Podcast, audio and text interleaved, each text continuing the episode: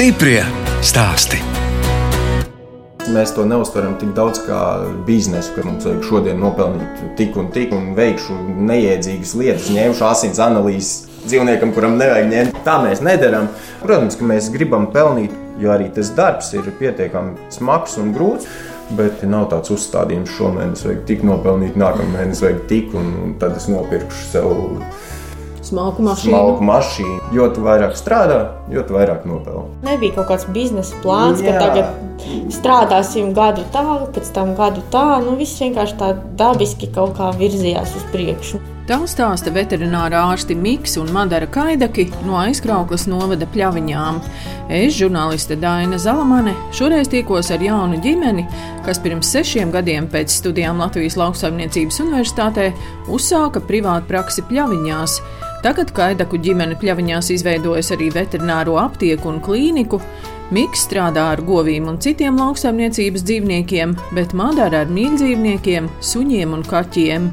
Madara izaugusi Pierīgā, Miks Rīgā, bet aizkrauklas novada pļaviņās viņš pavadījis vasaras. Vecvecā tēva lauka mājas. Šeit bija, un tad līdz ar to katru vasaru un brīvdienas, un arī ziemā brīvdienas tika braukts uz šejienu, un bērnību esmu pavadījis pļaviņās. Tāds vasaras rīznieks. Jā, kā jau tajos laikos, katram jau kaut ko vajadzēja, jā, kaut kādas lopiņas turēt. Aitas bija, kāds zirgs arī esot turēts, un cūkas un vistas, un man ir uh, gan vecāks brālis, gan vecāka māsa. Tā kā esmu jaunākais, bet ne brālis, ne māsa laikam to lauku dzīvi tā īpaši nemīl, un, un viņi vairāk tā kā tomēr pa pilsētu grib. Madara, un no kurienes tad jūs esat? Es arī esmu no Pierīgas, no Mārupas. Man gan tā dzīve ar laukiem vienmēr ir bijusi tāda, nu, ja laukos ir dzīvnieki, tad tur ir interesanti. Un vasaras man vienmēr aizgāja laukos pie manas omas, tas ir tukuma pusē. Un tad tur bija visāda veida dzīvnieki, truši, govis, zirgs, aitas, kazas, kaķi, suņi. Sirds trīcēja, vajadzēja, nevarēja bez tā. Nu, tas tā arī saglabājās. Un tad jau man bija skaidrs, tas, ka es būšu veterinārārsts, un tā arī tas ir noticis dzīvē. Es biju visos kaušanas darbos, laukos. Pašā tajā nāves procesā man neļāva piedalīties. Es nepiedalījos, bet biju pie tās sadalas un pie tās zarnu izņemšanas. Jā, tas man viss ļoti interesēja jau tad. Cūku ir teļu bēres parasti bija arī truši tika kauti, vistas. Nu, man bija skaidrs, ka tā ir tāda normāla sadaļa lauksaimniecībā. Tā kā bija man pieredze, paldies Opim, kad bija tie dzīvnieki. Bet it nemaz nebija žēl. Pirmās cūkas, tad man bija seši gadi, un tad tikko arī vecvecāki uz lauku mājām pārvācās un, un paņēma trīs sivēnus, un tie sivēni tika laisti ārā, un mēs ar viņiem skraidījām kopā, un tad, tad es vēl tam nebiju gatava, jā, ka man pateica, kam viņi ir domāti. Tad es teicu, ka es nēdīšu savus draugus, bet pēc tam kaut kā samierinājos un pieņēmu, un tā bija tāda skola man. Es parasti saku, tā diez vai visiem cilvēku ārstiem, diez vai viņi visus cilvēkus mīl un tikai ar mīlestību vien pret dzīvnieku. Nu, tas dažreiz pat tas var traucēt viņus ārstēt un pieņemt pareizos lēmumus. Bet tā vispār ir bieži, ka rīznieki aiziet studēt uz Lauksaimniecības Universitātes veterināro fakultāti. Cik nu tie kursa biedri mums bija? Kāda puse jau bija rīdzinieki? Jā, jo tā veterināra medicīna jau tagad uh, ir ļoti lielā mērā iet tieši uz, uz mīļdzīvniekiem, nevis uz lauksaimniecības, nevis uz produktīviem dzīvniekiem. Jūs bijāt arī kursa biedri. Es biju kursu zemāk, satikāmies anatomikumā, laikam. Jā. Tā romantiski pie līķiem uz galda.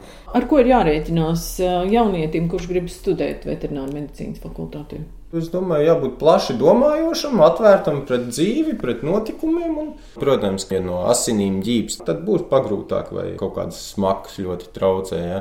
Nu, spēja arī kaut ko mācīties. Nu, ir tas apjoms, līdzīgi kā medicīnā, nu, ir apjoms, kas ir jāapgūst. Arī tas, ka mēs vienu bērnu izaudzinājām studiju, Studiju laikā. laikā, jā. Tas bija Nu, tāds tas jau arī jā, deva tādu slodzi. slodzi, protams. Kādreiz bija, man liekas, nu, visi pasniedzēji, kas teica, ka tas bija pilnīgi kā norma, kad, kad Padomu bija, laikos. ka Jā, bija studentu ģimenē, bija bērns, un viņi arī kojās tur sēdēja un kopā audzināja un svinēja svētkus, bet mūsu laikā tas tā vairs nebija, un līdz ar to arī tā kā deva kaut kādu tādu savādāku dzīvi.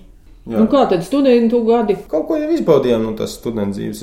Tā teikt, dzīve jau neapstājās. Kad jūs beidzāt fakultāti, tad pašam jādomā, ko darīt tālāk, kur strādāt. Tieši tā. Nu, protams, ka ir kaut kāda daļa studenti, kas jau studiju gados sāk strādāt kaut kādās klīnikās. Bet, uh, Es tik cik praksēs. Tā pilsēta, laikam, mums nevienam tā nepatika īsti. Diezgan ātri mēs sapratām, ka jādomā kaut kur uz laukiem vai tieši uz pļaviņām. Sākumā nē, mēs meklējām arī citās vietās, kur varētu. Tad nu iegrozījās tā, ka atnācām uz šejienu. Pirmkārt, tāpēc, ka te bija tā, tā laukmāja. Bet tā ir tā jūsu vecāku māja? Jā, jā. Dzimtas mājas. Dzimtas mājas, jā, jā. Kārlis Štrāls bija tāds rakstnieks un dalīts īpašums. Līdz ar to tās ir bijušas tagad kā mums pagaidu mājas, bet būs citas īstās mājas, bet uh, saimniekot jau neturpināsim. Nu jā, kaut kā tā vieta piesaista, bet uh, dzīvot nē, nē, nē. nē. Nu, man bija arī mana lauka puse, bet tur arī tā kā mums ir bērni. Tad uh, tomēr prasījās vide, kur pilsēta ir kaut cik pieejama. Jo tie mani lauki bērnības tur bija tiešām nu, dziļi lauki. Izvedāt bērnus skolas bērndārus vairākus kilometrus dažreiz neizbraucamu ceļu. Nu, tas likās tomēr tāds izaicinājums, vai to vajag.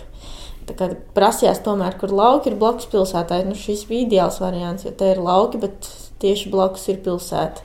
Pārceļoties uz pļaviņām, Madara un Miks darbu sāka kā pašnodarbinātie. Veterināra medicīna tomēr ir tāda nozare, kur it kā tie speciālisti trūkst, it īpaši lauku rajonos. Tad eh, es domāju, ka tādā ziņā mums bija vieglāk, jo te bija tāds jūtams deficīts pēc tā veterinārā ārsta, gan pēc lauksaimniecības dzīvnieku, gan pēc mīļdzīvnieku veterinārā ārsta. Meklējām klientus, izmetām sludinājumus. Internetā? Ar lapiņām paskatīties, jo šeit tomēr ir lauku reģions, ne, ne visi izmanto internetu. Tās lapiņas paskatītē ļoti labi nostrādāja. Nu, ko jūs rakstījāt? Esam jauni, Tā mēs nerakstījām. tas 16. Eh, gads bija tas gads, kad eh, suņiem mikročipēšanu pateica, ka tā ir obligāta lieta. Līdz ar to saprata iedzīvotāji, ka tas ir jādara. Tas uzreiz iedeva tādu plašu klientu loku. Tie likumi beidzot sakrita tā, jā, jo, nu, Mācējām protams, ka... to izmantot. Jā.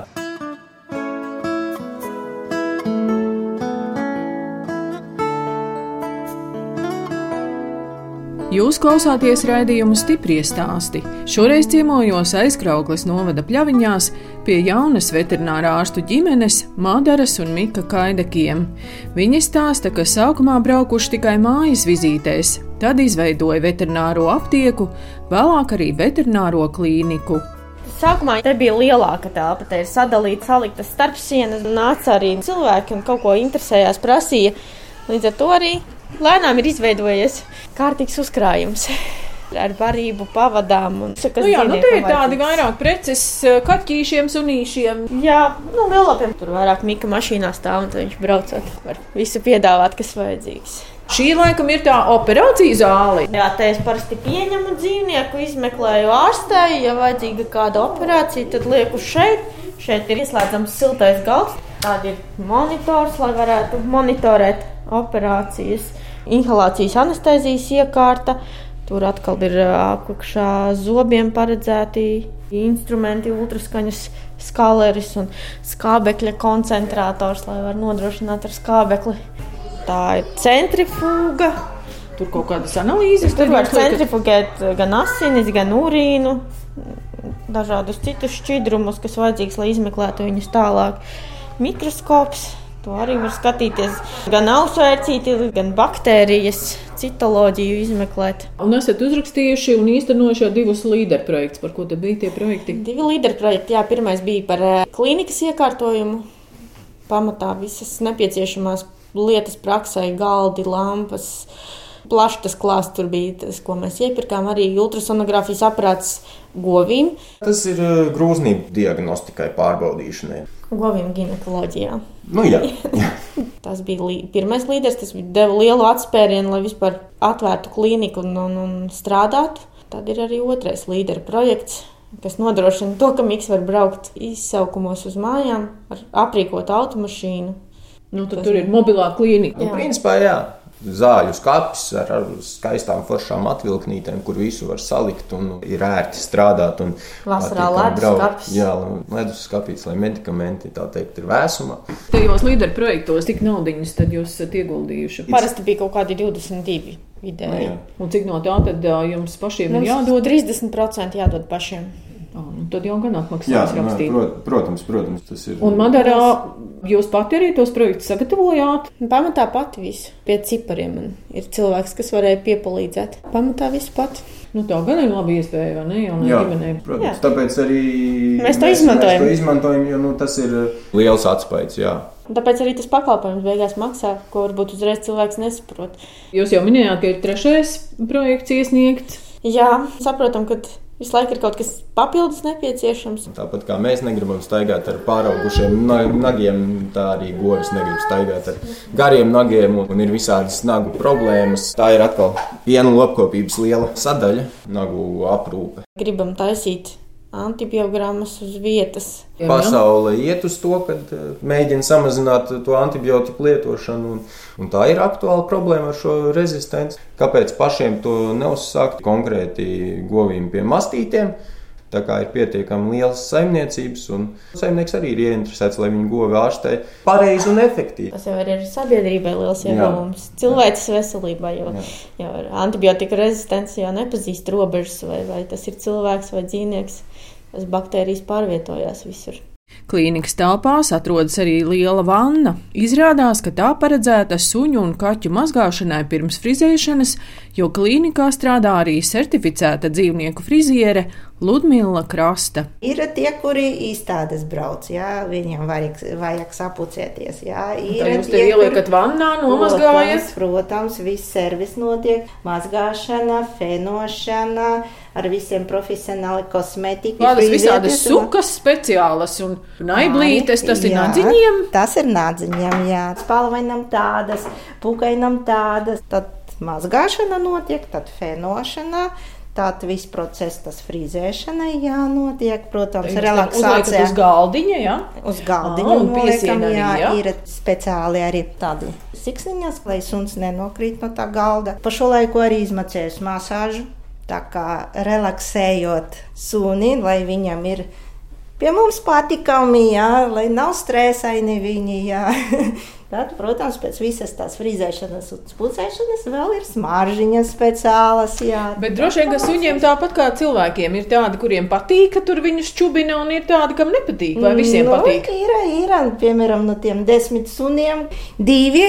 Nu, kuriem citu reizi vajag uzpūnīti ielikt. Bet viss notiek. Varam sarunāt, tad saimnieki ir laimīgi, un suni arī skaisti un arī laimīgi, priecīgi. Pļaviņās cilvēki priecīgi, ka ir tagad šeit tāda veterinārā klīnika. Protams, daudz arī brauc no iekapeliem, mums no Rezeknes, no Tukuma, no Rīgas puses. Apkārt aizkrauklis arī, jā, nu, un, protams, mūsu pļaviņieši jā, to izmanto. Brīdī, kad esam pļaviņās, pie veterinārā ārstes Madara Skaidakas atvests piecus mēnešus vecs kaķis, kam iekaisušas acis. Kā viņš pats jūtās, apetīte, dzert griba tas pats divas dienas, tā kā negribīgi ēdis.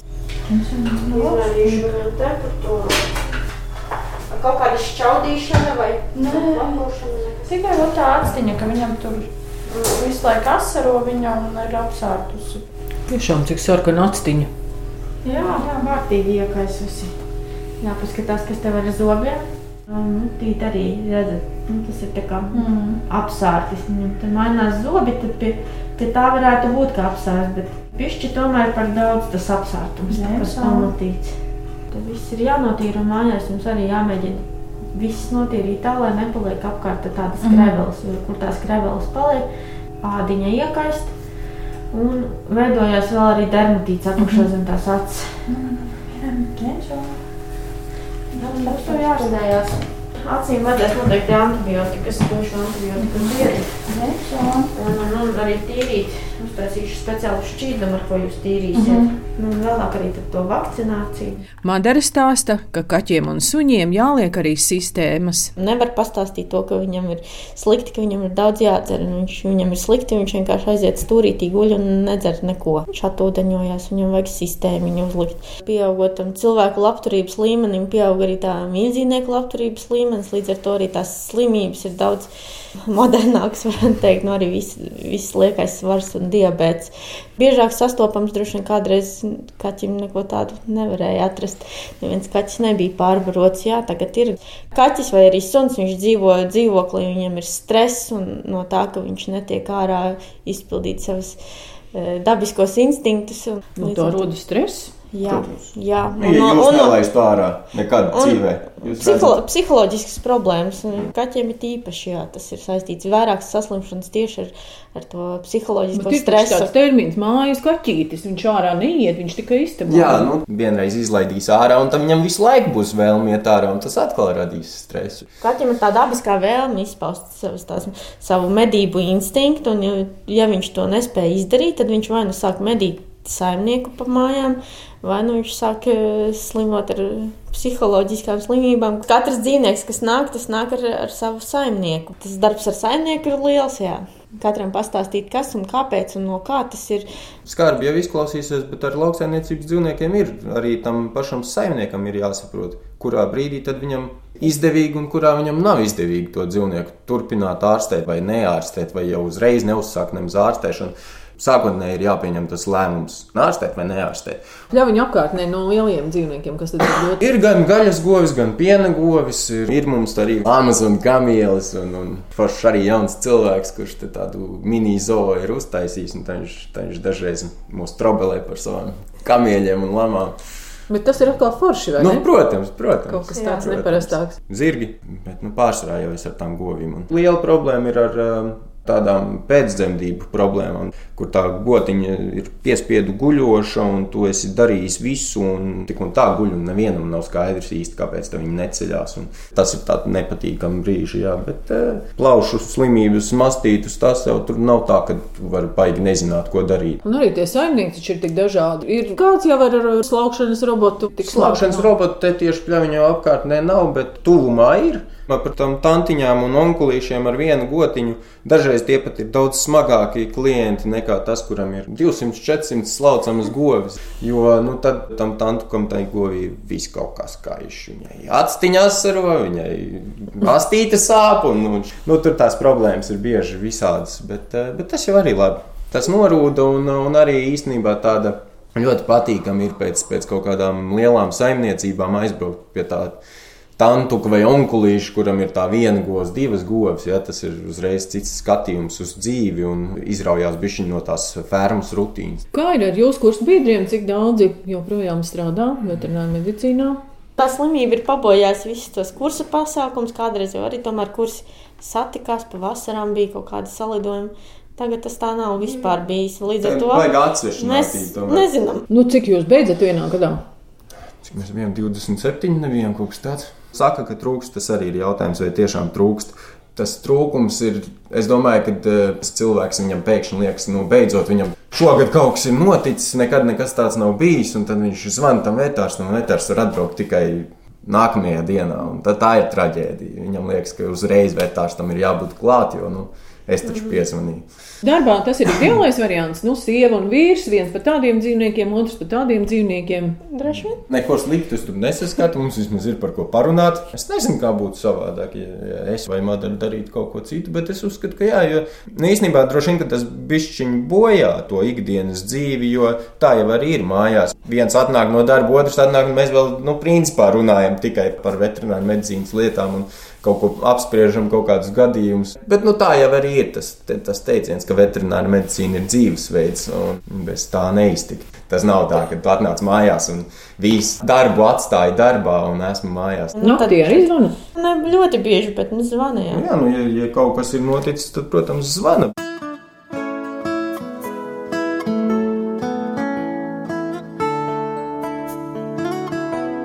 Jūs klausāties raidījuma stipri stāstī. Turpinot ciemoties pie veterinārā ārstiem Madaras un Mika Kaidakiem aizkrauklas novada pļaviņās. Ģimenē aug trīs bērni - meitas Ance un Agnese un dēls Andrejs. Vecākai meitai, kas Jāgavā piedzimusi jau desmit gadi, Trešā klase spēlē violi. Mākslinieciska dvēsele, un viņa savos piecos gados saņēma dažādas dāvanas dzimšanas dienā, bet eh, teica, bet kur ir viola? Viņa grib violi, un tad uh, Mika mamma būdama līdzīgā veselā stāvoklī. Nu, arī viņa tāda Mākslinieciska. mākslinieciska, jā. Ņēma un uzdāvināja violu, un tā, nu, viņai nākas spēlēt violi, kas varbūt dažreiz nepatīk, bet ļaunās ļoti jauka, man liekas, mūzikas skola, man patīk, ka pietiekami stingra. Tad, nu, viņa iet un apgūst violu spēli. Nu, mūzika, manuprāt, jebkurā gadījumā cilvēkam par ļaunu nenāk. Un Agnese, pieci Agnese- gadi, Agnese- Agnese bērndārznieks, ja? Apmeklē bērndārzu, jā. Viņai patīk viss, kas ir saistīts ar medniekiem, un ieročiem un lauksaimniecību. Ko un jūs ugunsdzēsēju. piecos gados? Jā, Un jā. viņa nevar izdomāt, kas viņa grib būt. Vai zemesargs, vai ugunsdzēsējs, vai policists. Nu, tāpat kā puikām, nu, nopērk plasmas pistolītes, var iet uz skraidīt un priecīgi un šaudīties un ar loku šauju. Un, un, jā. Miki, jūs pats esat mednieks? Nē, nē, nē, nē, nē. Nesmu. Kaut kur jau tur no kaut kā noskatījusies. Miks bija dažas reizes tā kā dzinēja medībās, Jā. bet ne jau kā mednieks, kā dzinējs. Nu, tad viņa to faktu zināja, bet nu, tas viņai ļoti pieķērās pie sirds un atrada kamuflāžas, krāsas, bikses, nu, un ar tām arī viss sākās. Meitas dažādas, vai ne? Jā, nu, Jā, viņas vispār jā. nevar. Viena, viena tikai kleitās staigā, otrai nevar vispār uzvilkt, ja ir svētki, neko kleitē līdzīgu. Mazākais ir dēliņš, tad gribējāt to dēliņu. Neiespringām uz to, ka mums šausmīgi vajadzētu kādu vai nevajadzētu. Viņi vienkārši radās, un, un tā īpaši mēs nedomājām, ka nu, tagad vajag obligāti dēlu. Protams, ka man liekas, ka vīriešu cilvēks tomēr grib savu dēlu, bet tā speciāli neplānojām. Tā- vai? Jā, jā, nezinu. Tā kā tomēr mēs arī no tās reprodukcijas kaut ko saprotam, tad, tad man ir skaidrs, ka tas cirvis ir spilvens. Citām tas tieši traucē, man liekas. Tik Jā, noskaņo psiholoģiski, ka tas viss iztraucē. Bet, nu, Jā, Ko mums patīk darīt? Jebko, man liekas. Jā, pastaigāties patīk kopā dažreiz. Tur gan ir problēma atkal. mm, Sieva saka, ejam pastaigāties, un es jau zinu, kamēr tos bērnus saģērbs, tad viens čīkstēs, divi uzvedīsies normāli, tad tas beigs čīkstēt, sāks cits čīkstēt, un tad man tas pasākums viss tāds um, nesagādā tik lielu baudu. Divi tā, ka mēs esam, jā, kaut jā, tad- lietas ir vienkārši pastaigāt vai, nezinu, ar riteni pabraukt. Tas jau, ka mēs varam vienkārši pavadīt laiku kopā. Tā tas ir vērts. Parasti laiku pavadām kopā. Darba dienās, ja man ir jāasistē Maderai pie operācijām, Kādas operācijas tev esat? Sterilizācijas operācijas ir regulāras. Jaunveidojumi jāizņem vai, vai zobi jānotīra. Un man arī galvenais un miks asistēja. Jā, jā, ir pilnīgi otrādi nekā es biju. anesteziologs. Es esmu anesteziologs. Jā. Jā, Kamēr mēs runājamies, turpat atpūtas krēslā guļ ģimenes suns, Dobermanis faktors. sunīts ir Mika sapņu suns. Kaut ko runājām kādreiz par suni. un Tā speciāli neko neplānojām ņemt suni, bet uh, Miks teica, es gribētu Dobermanu. Nu, un kaut kā viss dzīvē sagriezās tā, ka tieši sanāca. Tieši sanāca Dobermans. Tieši sanāca, jā. Mika, bet man liekas, tas suns līdzinās jums. Paldies. Tas garš, un slaids un tievs, tā kā jūs. Sieva Paldies. tāda maziņa Jā, augumā. jā, jā, jā bet... Bet arī suns taču prasa daudz laika, vai ne? Taču izskatās, ka šim ir daudz jāsteigā pa lauku. Jā, suns prasu, tīpaši šis, jā, viņam dienā ar eh, kaut kādas stundas pastaigu pa mežu. Tas nu galīgi nav pietiekami viņam. Tur jau arī vairāk tā sportošana sēž mašīnā. Un kā suns līdzi, ja? skrien, jā. Viņam patīk skriet, bet nu, labā, labā lieta ir tāda, ka eh, viņš ļoti labi saprot, ka ja viņi izlaiž no mašīnas uz meža ceļa, ka viņam vienkārši ir jāskrien. Tad viņš, tad viņš skrien savus 12 vai, vai, vai, vai 15 km. Un, protams, ka katru dienu ar viņu, viņu ir jādarbojas. Un Kāpēc jūs to sunu ņemat līdzi uz uh, klīniku? Viņš nav dzīvnieks, kurš var viens pats mājās palikt. Palikt jau viņš var, bet vai no tās mājas kaut kas paliks pāri pēc tam? Ne, viņš, mierīgi čučus. jā, jā, jā, uz viņš, atpūtas- viņš savās, savās vietiņās, viņš, jā, viņš zina, ka tad, tur ir viņam vieta, viņš jūtās labi, bet, eh, bet vienu pašu atstāt viņu nekur Bet nevar. re kā jūs tur arī viņu uzreiz vēl ielikāt saitītē, ja? Citreiz kaut ko viņam apnīk, tad viņš sāk kaut kur staigāt. Staigāt, Nu, var sākt staigāt. Ieraudzītās rozetes, domāju, ka tās ir kādam zirgam, bet izrādās, ka nē, tās ir sunim. Tās ir sunim, jā. Mēs viņu vedām uz izstādēm, pelnījām viņam medaļas, kausus, rozetes. Tie kausi arī visi ir Viss sunīti. ir viņam, jā. Ā. Viņš ir titulētākais mūsu ģimenē laikam. Jā, Pilnīgi slavas siena. jā, jā. jā, jā. jā. Būs jāpaplašina, jā. Kad atsāksies. Kad atsāksies, tad centīsimies paplašināt, jā. Tas ir mūsu tāds brīvā laika pasākums, viens no retajiem, bet nu, tomēr ir parasti vasarās.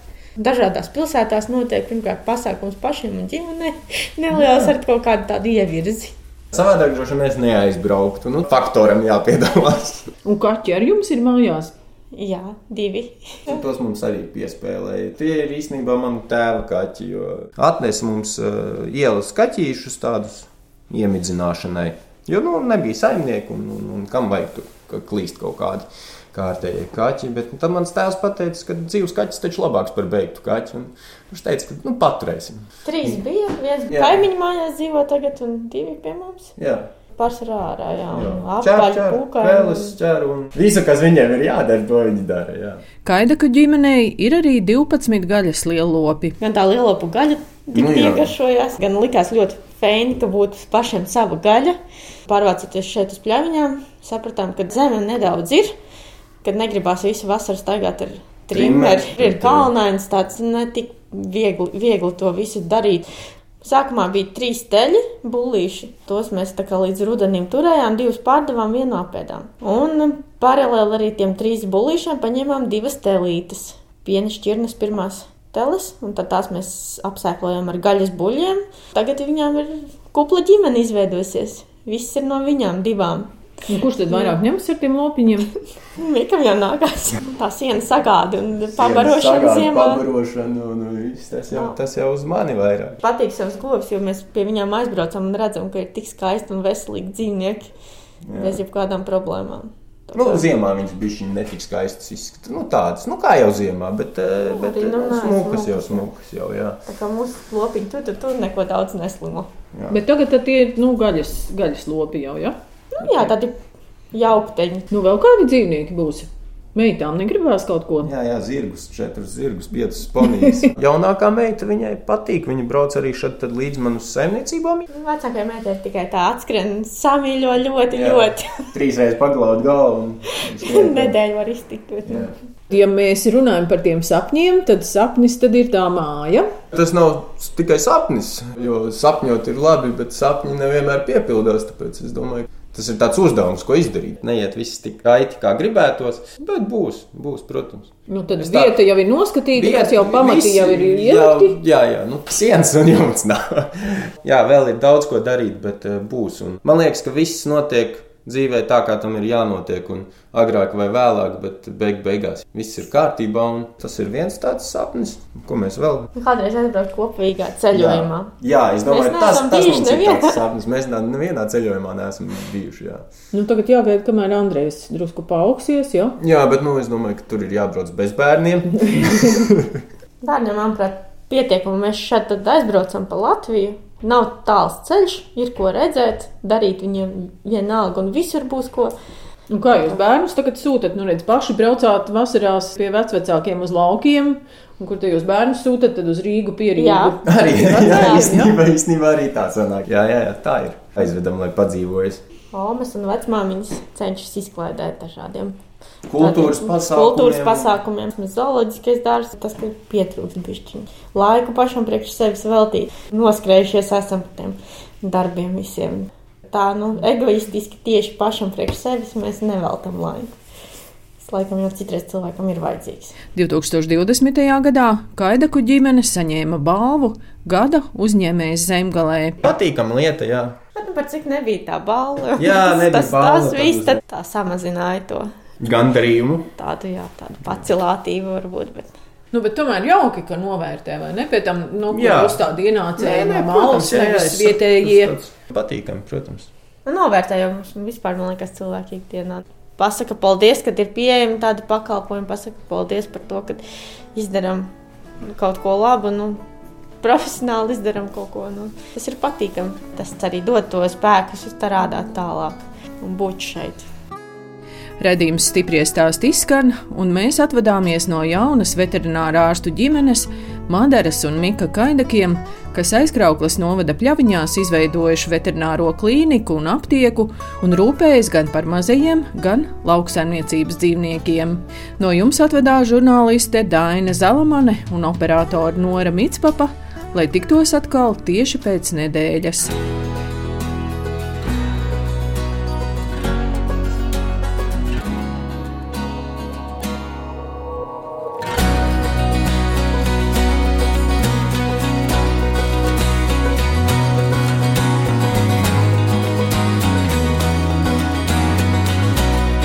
Stiprie stāsti.